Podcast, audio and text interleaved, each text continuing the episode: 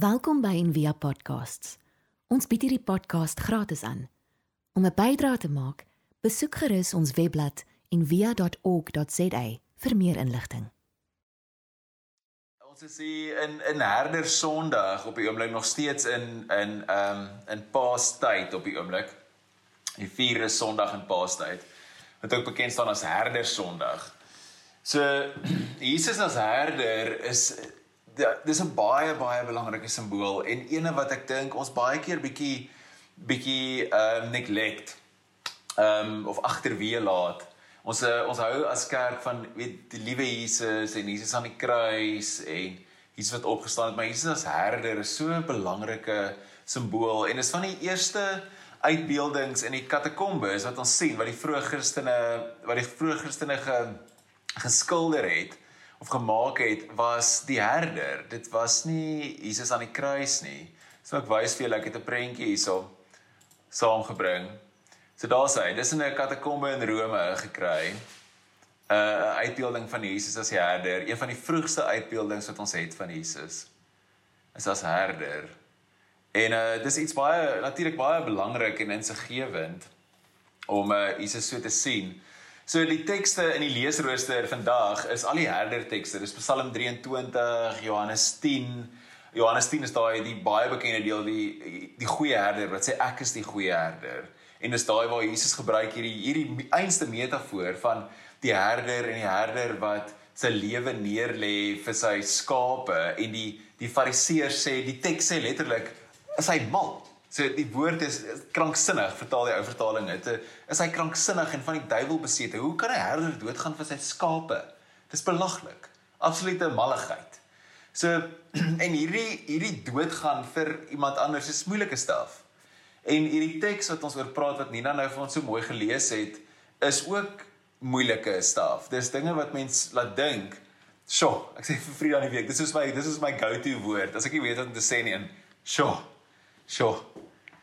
So ek weet nie of hierdie kan reg wees nie as mens daai hierdie teks lees en dink jy, "Joh, dis bietjie wild." Ek weet nie of dit kan reg wees nie. Is jy regtig veronderstel om niks te doen nie? Is jy regtig veronderstel as iemand jou met onreg hanteer om dit net af te vat? Dit kan mos nie reg wees nie. Jy weet sekerlik nie. So ons is in 1 Petrus. So ek wil net vir ons weer die teks lees. Dat ons net 'n goeie, is 'n goeie houvas op dit kan kry en verbeel jouself of net so klein bietjie meer in die prentjie in. Jy jy werk in 'n huis as 'n slaaf En Petrus skryf vir jou hierdie, hy gee vir jou hierdie advies in jou situasie. Dit sê you who are servants be good servants to your masters. Not just to good masters, but also to bad ones. Dis daai is baie gevra hoor. What counts is that you put up with it for God's sake. When you're treated badly for no good reason. Dan raak dit nog wilder. There's no particular virtue in accepting punishment that you well deserve. But if you're treated badly for good behavior and continue in spite of it to be a good servant, that's what counts with God. This is the kind of life you've been invited into, the kind of life Christ lived. He suffered everything that came his way so you would know that it could be done and also know how to do it step by step. He never did one thing wrong, not once said anything amiss. They called him every name in the book and he said nothing back. He suffered in silence. Ek daai daai drie woorde, suffer in silence. Ek weet van jou dis is daai is moeilik. Content to let God set things right. He used his servant body to carry our sins to the cross so we could be rid of sin, free to live the right way. His wounds became your healing. You were lost sheep with no idea who you were or where you were going. Now you're named and kept for good by the shepherd of your souls. Nou, hierdie teks van die ander vertalings vertaal daai daai woordjie in die message sê dit servants. Die Grieks is oiketes, as dit vir jou belangrik is. Die Grieks as uh slawe. Die 1983 vertaling vertaal dit natuurlik as bediendes en dan die 33 en 53 vertaling as diensknegte. So hierdie woord in Grieks is nie die woord wat gebruik word vir slaaf nie, dis doulos. Oiketes oikos is huis. Dis ook waar ons die woord ekonomie vandaan kry. Oikos, hè. So is hy, so hierdie hierdie is so 'n 'n huishouding dienkneg, dienskneg, oftewel 'n slaaf wat in die huis gewerk het.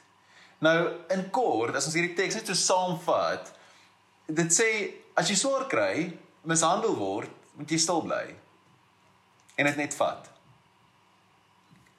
Petrus uh, gaan so ver as om Jesus as voorbeeld te gebruik as die suffering servant, die lydende dienaar wat Jesaja gebruik as voorbeeld. En wat so moeilik is, so ons in die week met hierdie teks sit en die liturgie uitwerk en Frida praat daaroor en ek ons se praat spreker daaroor en sê hierdie is so moeilik want hierdie is daai teks wat al soveel keer in die geskiedenis gebruik is, hierdie spesifieke ene om mense op hulle plek te hou, bediendes. Soos dit in die 83 vertaal is, op hulle plek te hou. Om sy slawerny te regverdig. En sê die Bybel sê, is reg, jy moet net jy moet net vat. En selfs eh, hierdie teks word selfs gebruik om vrouens op hulle plek te hou. Weet net 'n geestelike sousie oor. Ja, ons weet jy's in 'n bad huwelik en ons weet dit is terrible en hulle abuse en alles, maar die Bybel sê, weet, jy moet dit maar net vat. Soos Jesus dit vat. En nou daai daai is moeilik genoeg en dan dis nog nie eens om te praat van dis hierdie teks wat sê his wounds became your healing. Deur sy wonde is jy genees by his stripes you are healed. En daai goed, as ek daai woorde hoor, dan staan daar so iets in my op, want ek het al soveel keer dit gehoor ongelukkig in kerke waar dit so wan gebruik word. Wat sê jy moet net dis Jesus se wonde is vir jou siekte en jy gaan nou gesond word want vir sy wonde en goedes en daai is so al misbruik en terrible en mense wat 'n rad voor die oë gedraai word met hierdie hierdie stukkie teks. So hierdie is is is 'n moeilike teks. En dit is 'n moeilike deel om te verstaan oor die algemeen. Ek bedoel die eerste ding in die teks is hoe bring lyding lewe? En dan tweedens, wat beteken 'n teks wat lyk asof dit soos mishandeling regverdig? En nie teer enigiemand, net teenoor die minstes, die slawens en in daai tyd die vrouens. So die eerste deel, ten minste die eerste deel lyding wat lewe bring, het Petrus ook eers gelukkig nie verstaan nie. So in Markus 8 as sien ons hierdie toneel waar Jesus begin praat oor sy dood en oor sy opstanding. Ek gaan net vir julle die teks wys, dan kan julle dit saam met my weer kyk. Um, Oh, dan nou, ons hy. Ehm um, so Jesus praat oor sy dood en sy opstanding en dan dan sê hy toe het hy hulle begin leer toe het hy hulle begin leer van die ooh, daar's ek nou. Toe het hulle begin leer dat die seun van die mens baie moet ly en verwerp moet word deur die ouderlinge en die owerpriesters en skrifgeleerdes en gedood word en na 3 dae opstaan. Willetex, reg? En dan sê hy en hierdie woord het hy ronduit gespreek en Petrus het hom op sy geneem en hom begin bestraf. So ek sê hierdie sien Jesus maak hierdie verklaring teenoor die fariseërs en almal en sê ek moet doodgaan. En Petrus besluit, "Ag, oh, is nie manier nie." Ek dink Jesus verstaan hom verkeerd. Jesus neem hom soos op sy en begin hom bestraf. Reg? En dan sê Jesus die seker die hardste woorde in die hele Bybel vir iemand wat hy vir iemand sê en hy kyk vir Petrus aan en hy sê vir hom gaan weg agter my Satan. Wat jy bedink nie die dinge van God nie, maar die van die mense. So daai is wel Satan in in uh die idee van Satan is is is die anti-skepping. Alles wat soos anti anti-God is. En Petrus probeer hier soos 'n goeie ding, hy sê hoorie, maar jy kan nie jy kan nie 'n regering omverwerp en die Romeine uitgooi en goed deur om dood te gaan. Hier is jy simpel. Kom wat ek jou reg help hoe doen mense dit. En dan dan sê Jesus vir hom gaan weg agter my Satan. En die woord Satan in Hebreëus beteken die teenstander. Dis soos alles wat nie God is nie. Alles wat anti-skepping is, vir die teenoorgestelde is. Alles wat teenoor God staan en die hele skepping wil terugtrek na donker en na chaos toe. Dis wat daai woord is. Maar God se manier is die onderste bo manier. Nie die mense manier nie. God se manier is die dienaar manier. En in hierdie brief wat ons vandag lees aan 1 Petrus, dan sien ons sien mens ewe skielik soos 'n ander Petrus. En wat die wat die opgestane Jesus beleef het, wat gesien het dat lyding lei tot lewe. Dat dood is nodig vir lewe om te gebeur. Dat hy nou verstaan dat soos onregverdige lyding, selfs dood die mees verrassende vrug kan dra. Die skepping van 'n nuwe Israel, 'n nuwe volk kan bewerkstellig en dat die onregverdige leiding binne-in dit die saad van soos 'n nuwe mensdom bevat. Dit kan die dood oorwin, nuwe lewe bring, triomfeer oor die donker. En daarom leer Petrus hierdie hierdie groep mense, die vreemdelinge en die verstrooiing, hierdie is die pad. Hierdie, die pad van swaar kry, is die pad wat lewe bring. Maar Petrus stel nie in dieselfde asem, hy stel nie belang in Christen masogiste nie. Dis nie wat hy sê nie. Hy sê vir hulle herinner hulle dat Vrydag kom altyd voor Sondag. Dat daar is lewe. Dat ons lewe van 'n uit 'n ander plek uit. Hy gee vir hulle soos 'n ander verstaan, 'n ander manier van wees om nie terug te slaan nie om nie terug te manipuleer nie, om nie terug te skel nie en soos al ingesuig te word in die manier van die wêreld nie. Wat hy noem evil nie. Om nie te reageer op mishandeling met mishandeling nie, op onregverdigheid met onregverdigheid nie, of skinder met skinder nie, maar om eerder lief te hê, te dien en te weet dat God nog steeds die laaste woord sal hê. Daar's die eerste deel, leiding wat lewe bring. Wat ons al baie keer oor gepraat het in Paasfees dat dit is die pad. Dis deur die kruis. Daar's nie ander pad nie. Die tweede deel wat moeilik is, is hierdie mishandeling van die slawe en dan in die stukkie teks as volg dan die vrouens ook wat Petrus vir die vrouens sê jy moet net weet submit aan jou man, wees onderdanig. Daai stukkie wat so moeilik sit by ons vandag. So hierdie en om daai deel te verstaan, hierdie wat sê as jy 'n ah, slaaf in 'n huis is en jou baas is sleg met jou. En sleg beteken nie hy sê net 'n paar lelike woorde met jou nie. Dit beteken hy sou jou geneek het of 'n paar keer geslaan het ook. Nee, want hy net nie 'n nice ouers nie. So en om daai deel te probeer verstaan oor net om te probeer uitfigure wat sê dit vir ons vandag, moet ons net onthou altyd dat soos hierdie deel van die brief is geskryf vir 'n baie spesifieke groep mense. Slawe. En nog 'n binne in daai groep, nog 'n kleiner groep binne in dit, huisslawe. In 'n baie spesifieke konteks. In eerste eeuse huishoudings in 'n Romeinse wêreld. En voordat ons dinge sê en hierdie teks misbruik en sê wanneer 'n man sy vrou mishandel, moet sy dit maar net vat soos Jesus sy slaag gevat het. Want mense sê dit. Moet ons eers net verstaan wat hierdie brief gesê het vir daardie huisslawe en vir hulle. So die eerste ding wat nogal interessant is van hierdie brief, hierdie deel van die brief noem ons 'n uh, uh, die die huishoudelike reëls of 'n household code. Reg, dis soos die ek weet nie of julle huis reëls gehad het nie of opgeplak is teen 'n muur of in 'n op 'n whiteboard geskryf is in die reëls van wanneer jou curfew was en wanneer ander nog stap was nie, maar soos wat sekere huise het reëls, reg? So baie antieke skrywers en filosowe het sulke kodes geskryf. Sulke huishoudelike kodes en reëls vir die en vir die pater familias, die patriarg, die hoof van die huis, die man wat die hoof van die huis was, om sy huis te bestuur. Reg sodat hierdie dis soos 'n 'n life hack om jou huis te bestuur. So daar's geglo dat die huishouding is soos 'n mikrokosmos van die Romeinse ryk. Net die kleinste eenheid en wanneer al die huishoudings in die Romeinse ryk werk, dan werk die hele ryk. En ons ek dink ons glo tot 'n mate nog vandag dit dat die gesin of die huishouding is soos die kleinste eenheid, sosiale eenheid en as daai alles gesond is en werk dan werk die res. So hier dis al vir hierdie household codes was. So die eerste ding wat Petrus doen, wat so crazy is, is hy adresseer nie die household code, die household code aan die patriarg nie. Hy sê hy gee dit vir die slawe. Vir die minste van die minste. En dan die volgende mense is die vroue wat net so 'n klein trappie bo die slawe was. Reg? So dis klaar so subversief. Jesus iets anders aan die gang al klaar. Op blaf volle agter my. Ehm uh, elke huishouding, so elke huishouding het ook gode gehad, soos huisgode.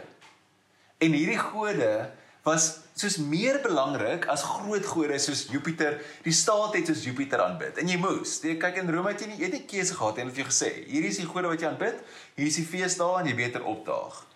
So hierdie daar was baie gode in die huis. Dit is dan ek vrek interessant om dit te lees. Toe daar was gode wat in die koskas gebly het wat in die koskas gesorg het dat dat jou dat die kos nie vrot word nie en dat daar nog genoeg kos was en dan daar was gode van die vuur hert wat in die soos in die oond gebly het. Ehm um, amper sê ek nou dis die god van Smeg wat in die oond gebly het. Maar daar was gode wat daar in die, in die oondig so lekker met die gesigte te sien as almal dan lag my grappies. Die ehm um, God wat in die vuur hert gebly het wat baie belangrik was eintlik die belangrikste van die huisgode en dan iemand in die leisel van die deur gebly het wat die slegte magte buite gehou het en in die mure daar was baie ek steun in die huis. En nou die die hier's nou die super belangrike ding so hierdie moet jy nou onthou om hierdie teks te verstaan. Hierdie gode was die beskermers van die huis. Hulle was baie baie belangrik Hulle was meer belangrik. Dit was soos die belangrikste deel van antieke Rome se spiritualiteit. Was hierdie huisgode. Onthou julle in um die movie Gladiator, dan is daar so 'n scene wat hy dan hy so 'n klein figuurtjies. Dan is dit sy sy vrou en sy kind en dan steek hy sulke kersies by dit aan en dan bid hy Heavenly Father, Heavenly Mother, take care of my. Onthou dit. Daai, dis huisgode. So daai is representations van sy gesin en die man van die huis, die patriarg, sou as hy op reis gegaan het, dan pak hy die huisgode in sy sak in, saam met met sulke beeltjies van sy gesin en hy vat dit saam en hy hou daai dis deel van hulle spiritualiteit. So dis daai prentjie, dis wat dit is. So hierdie beeltjies sou saam op reis gegaan het met hulle meester. Nou nou hier's die kikker.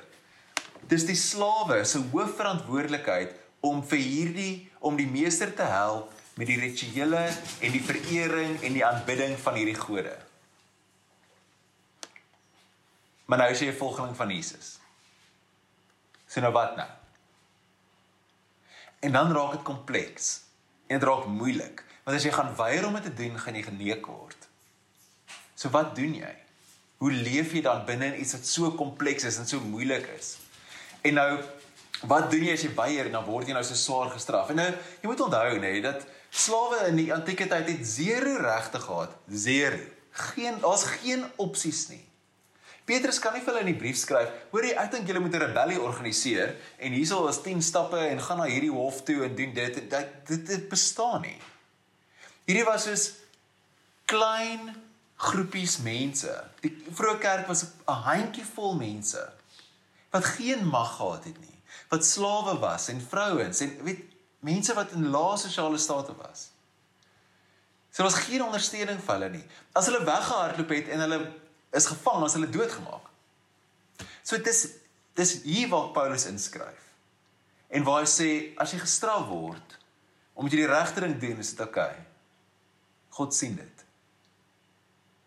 Dis dit dis daar waar hy inskryf. So Petrus wil hulle aanmoedig om nie onder die druk van die res van die samelewing te soog en aanhou. Ek wil hê hulle moet aanhou die regte ding doen. Aanhou Jesus volg en nie die huisgode nie. En nie saam in daai giftige Romeinse kultuur inval nie. Hy wil hulle bemoedig en sê God sien wanneer jy swaar kry wanneer jy die regte ding doen. En selfs al gaan dit nie oor 'n slaaf wat noodwendig weier om die om die huisgode verering ding te doen of wat ook al te doen nie, maar net een wat net 'n bloot krap baas het. Wat hulle onnodig straf as hy te veel wyn gedrink het. Wil Petrus vir hulle sê God sien dit. God is teenwoordig, hy steeds teenwoordig. En aan die einde van die teks dan sê hy hierdie hierdie beautiful stuk. Hy sê God is die herder. Hy sê you were lost sheep with no idea who you were or where you were going. Now you're named. And you're kept for good by the shepherd of your souls.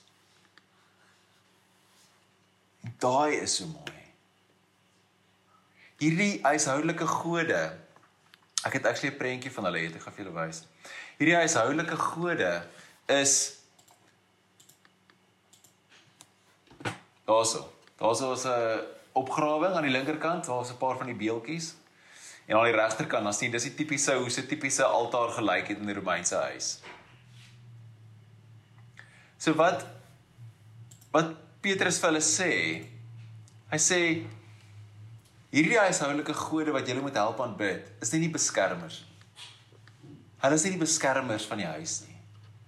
God is. God is die goeie herder. Hy is die een wat vir jou sorg.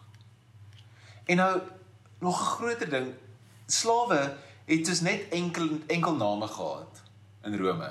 Soos geen vanne nie. So hulle was net maar net gewees Chicara, Dio, Nina, Chris. Het hulle nie 'n van gehad nie. Soos Madonna of Sia of iets dit. Net een naam.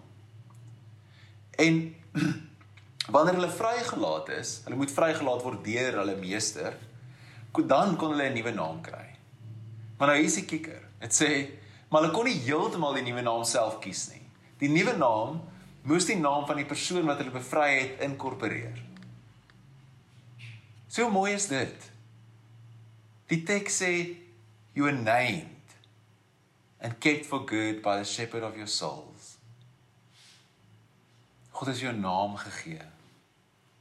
Selfs al is jy nie vry nou nie, het hy jou naam gegee. Nou ek dink nie enige van ons is in sulke diep onbuigbare situasies nie met geen agentskap oor ons eie lewens nie. Tog tog is daar tye wanneer ons leed aangedoen word, wanneer ons wanneer ons selfs niks verkeerd gedoen het nie. Wanneer mense ons sleg behandel in verhoudings by die werk, wanneer ons regering dinge doen wat die lewe vir ons moeilik maak, tye waar ons nie regtig 'n keuse het nie. En dis dan wanneer Christus manifesteer. Sy liefde in 'n gebroke wêreld is kruisvormig. En deur die kruis, deur daai swaar kry, ervaar ons weer iets van sy liefde. En dan vind ons onsself ook in hierdie komplekse situasies waar ons baie keer moet werk met die afgodsbeeltjies van ons meesters komplekse situasies waar ons geen beheer het nie.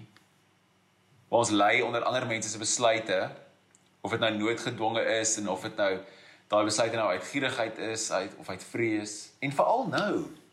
So in hierdie tyd met afleggings, salarisse wat gesny word. As jy net voel ek ek ek het net geen beheer nie. Wat s'ek veronderstel om te doen? En ek ek dink God sien dit. Sien jy, ek dink nie hy sê ek ek weet God sien dit. God ken die kompleksiteit van jou lewe.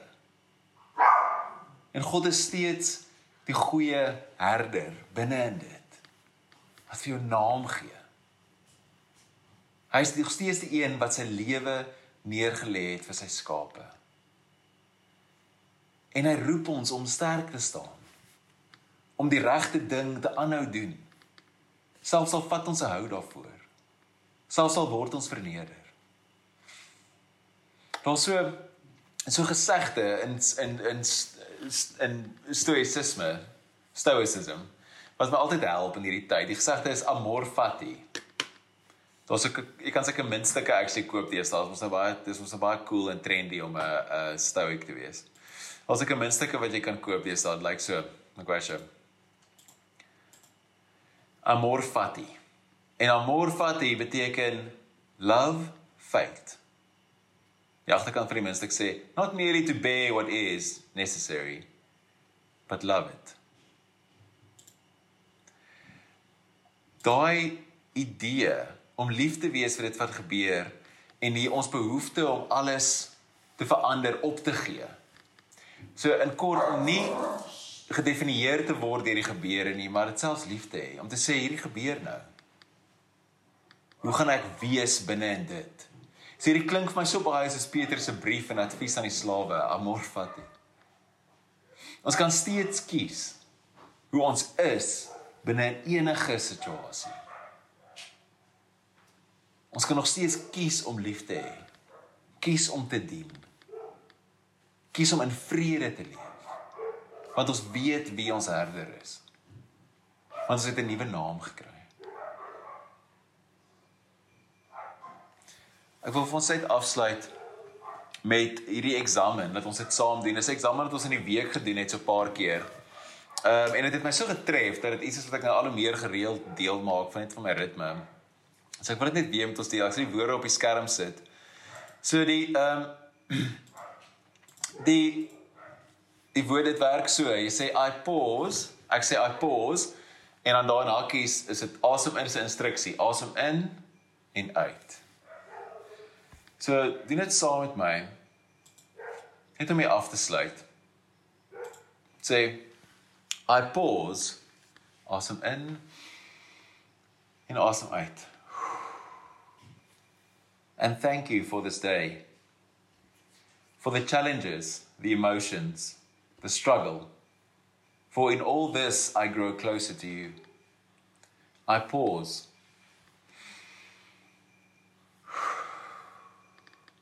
And ask that in darkness I see your light, and in my fear I feel your strength. I pause. And remember that today, as in days before, I have survived. When I've wanted to run, I've stayed. When I wanted to hide, I faced the day. I pause and ask for forgiveness for the days I falter and the disease takes over.